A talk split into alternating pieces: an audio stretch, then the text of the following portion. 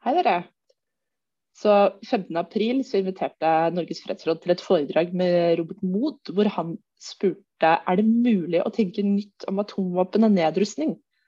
I etterkant var det selvfølgelig rom for å stille spørsmål, og da kom det en, en del mye interessante refleksjoner. Det er disse som nå legges ut i sin helhet, men vi anbefaler selvfølgelig alle å gå inn på våre nettsider og se hele foredraget. Robert han er tidligere general i Forsvaret, han er tidligere president i Røde Kors og er i dag en aktiv samfunnsdebattant. Mitt navn er Oda, jeg er daglig leder i Fredsrådet. Jeg var ordstyrer også under arrangementet.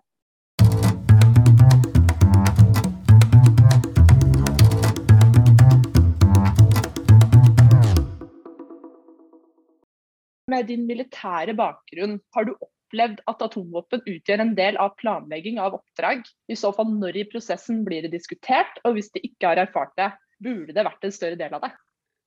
Det korte svaret på det spørsmålet er jo nei.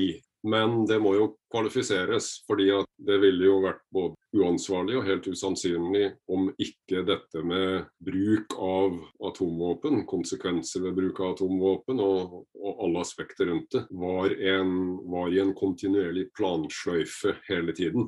Man nevnte så har jo atommaktene stridshoder på kvarteret under det beredskap. og dere har sikkert alle dere også vært inne og sett på disse 18 nesten-tilfellene, hvorav Andøya synes jeg er en av de som eh, er mest skremmende. Og det er klart, den planprosessen der, ikke for å bruke de, men slik at man har, eh, har, full kontroll på hele aspektet, alle spørsmål rundt det, den, eh, den, pågår selvfølgelig mer eller mindre kontinuerlig i uh, de land som har den type våpen. Men jeg har aldri opplevd å se at uh, denne typen våpen var en integrert del av planlegging for et spesifikt oppdrag, og det skal vi vel bare være glad for. Så neste spørsmål. Uavhengig av hva vi måtte mene om moral eller strategi, hvordan vurderer du troverdigheten av ideen om at USA faktisk, dersom det kom til stykket, vil bruke atomvåpen mot Russland på Norges vegne. Dvs. Si grunnlaget for såkalt utvidet kjernefysisk avskrekking.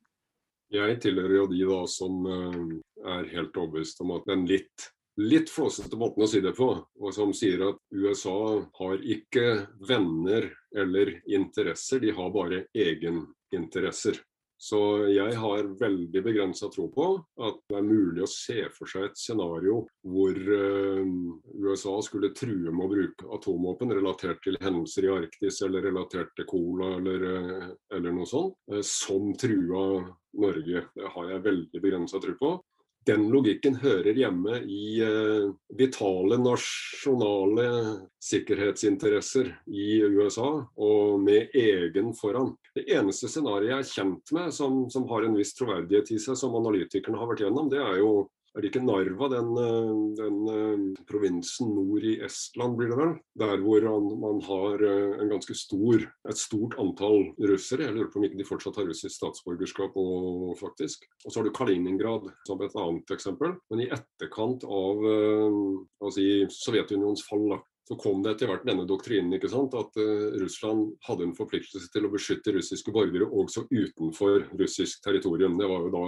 det som sto, var igjen etter Sovjetunionen. Så det har vært scenarioer malt. Og det kunne ha De mest kreative har tenkt at det kunne Russland gjøre sjøl. Provosere fram en trakasseringssituasjon f.eks. av den minoriteten i Estland. Og så Deres fordel i forhold til Nato er at Russland kan snu seg på timers, dagers, ukers varsel og flytte digre formasjoner rundt om i Europa og krysse grenser. Noe Nato vil trenge uker og måneder til. De er langt underlegne Nato, men de har også en hurtighet. De kan agere veldig raskt. Så Hvis de da gikk inn og la kontroll på dette her i, et, igjen et strategisk spill for å skape beslutningsvegring i Nato, og utfordre Sikkerhetsrådet og og denne ting, kanskje for å avlede oppmerksomheten bort fra en konflikt et annet sted, hva vet man, så er jo poenget at da kan atomvåpen veldig raskt komme på agendaen. Må vi nå bruke atomvåpen for å drive dette ut, og i så fall er vi villige til, vi i USA, villige til å risikere at de strategiske ubåtene som ligger i Atlanteren og kan fyre mot østkysten av USA, i neste omgang vil sikte seg inn mot New York eller uh, en av storbyene på kysten så Det er vel det eneste scenarioet jeg har sett som, som, eh, på en måte inviterer til en slags logisk tenkning. Da. Utover, og som er kanskje er mer alarmerende, da, forholdet mellom India og Pakistan og muligheten for at man der kan finne på å tenke at dette er, eh, dette er relevant, eller Eller så har du jo disse bunkerbusterne, ikke sant? hvor du har kinetiske bomber med urankjerne som kan gå mange mange 20-30 meter ned i bakken. Man har jo også utvikla atomvåpen da, for å nettopp ta knekken på den type underjordiske anlegg. Men nå gjør man jo det i Iran mye mer effektivt over internett, som vi har sett de siste dagene. Ja, og da syns jeg jo egentlig du kommer inn på neste spørsmål, som jo er alle faktorene som spiller inn, inn i avskrekking. Hvis ikke atomvåpen, hva er alternativet da? F.eks. For, for Norge i sånne situasjoner, er det sånn som du har snakket om, først og fremst å bygge opp vårt eget nasjonale forsvar? For å være legitime, da, hvis vi også yter avskrekking, hvis det er det som er spørsmålet? Avskrekking og beroligelse kan, er vel også egentlig noe vi kan tilskrive Einar Gerhardsen og den epoken der, hvis jeg husker riktig. God, god tradisjon igjen. Avskrekking handler jo om, bruker Russland, da, vi snakker om det, at Russland tenker at det vil være en høyere kostnad ved å angripe Nato eller et Nato-land enn ved å la være. Altså, gevinsten vil være høyere. Og Den kostnaden den har vi jo inntil ganske nylig tenkt at, å skape tro på at det vil være en sånn kostnad i det landet som vurderer om de skal gjennomføre en offensiv krig eller ei. Det handler om stridsvogner og fartøyer og fly og denne type ting. Eh, gjerne inspirert av, av, den type kriger man har sett i Midtøsten og, og andre steder. Men hvis vi nullstiller tankesettet og tar med oss der, det utsagnet om at generaler forbereder seg alltid på forrige krig, så er det faktisk sant i veldig mange sammenhenger. og Det diskuteres jo for den del etter at koronakommisjonen la fram sin rapport i går. Og Det forteller oss jo at øh, hvis vi vil, så er det som vil avskrekke en stormakt for å gå inn i et lite land, kanskje i nå og sett framover i minst like stor grad at de vet at det landet har altså lokale styrker, stridsstyrker, Bruk ordet vårt heimevern på om dere vil altså har en landterritoriell tilstedeværelse som gjør at de vet Ref. Afghanistan, hvor russerne tapte før oss, og nå har vi etter hvert innsett nederlaget. Den biten, i kombinasjon med droner, i kombinasjon med cyberkapasiteter kan altså skape en uh, langt bedre avskrekkingsprofil overfor hvem som helst enn disse gamle verktøyene, og i særdeleshet enn atomvåpen. For det har etter mitt syn ingen avskrekkende effekt, fordi at det er allikevel ingen som tror at det vil bli brukt. Kanskje med unntak av general LeMay uh, i hans argumentasjon. De som er interessert i historie, kan jo ta The Fog of War med McNamara og hans uh, refleksjoner rundt uh, Curtis LeMay. Så da er det vel egentlig min rolle som representant fra Norges fredsråd å spørre deg hva med ikke-destruktive tiltak? Hvordan spiller det inn for kanskje spesielt Forsvaret, da? Sånn som type dialog og diplomati, hvilken plass har det i deres planlegging? En veldig, veldig, veldig viktig plass. Det er jo veldig, veldig bra at jeg blir påminnet på det, for jeg blir jo også for klassisk i argumentasjon. Jeg hører jo det innimellom.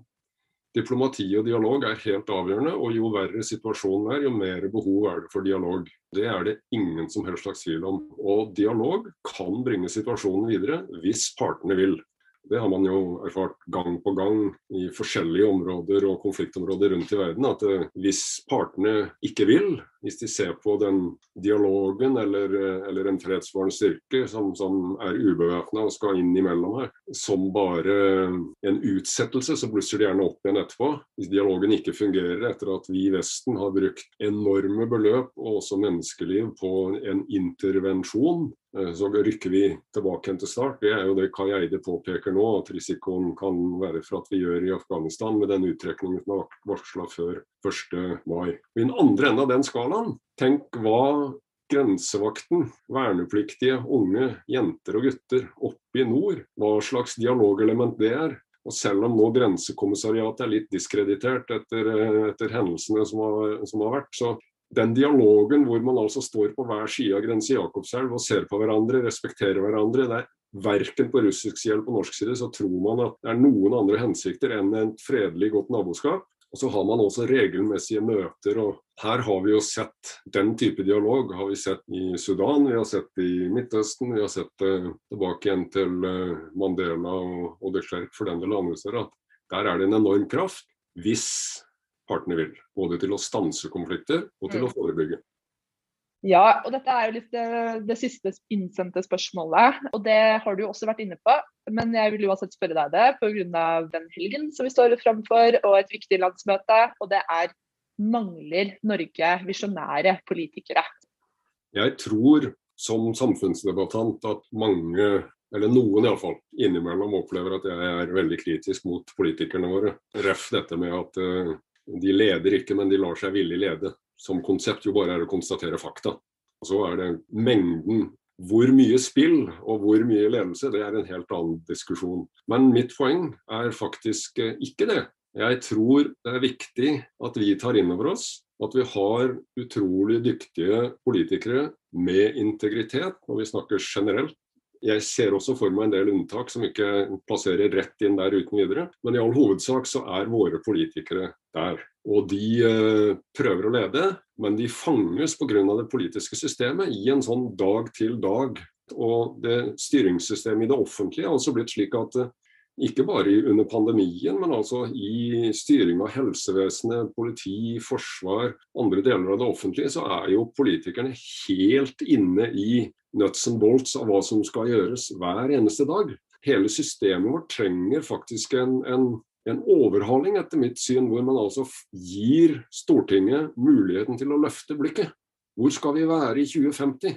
Så jeg har stor respekt for veldig mange individer. Jeg ser mm. ikke mange visjonære politikere der i dag. Jeg syns Gro, som jeg har nevnt allerede i De elders, er vel en av de aller siste eh, norske politikere som, som iallfall var helt, i, helt åpenbart i, i, den ligaen. Men jeg tror ikke det handler om uh, den enkelte, enkelte individ.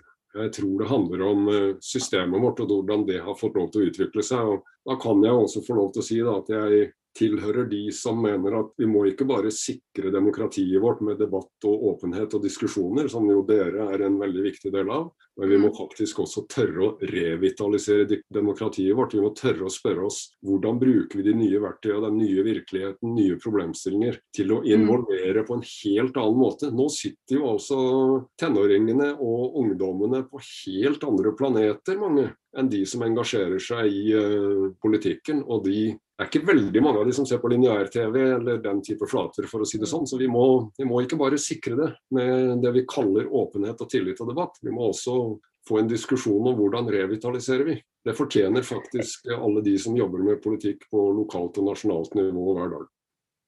Veldig, veldig godt sagt. Du fikk mye brede linjer å snakke om. Jeg setter jo pris på at du klarte å være innom også dette med politisk ledelse, politisk vilje.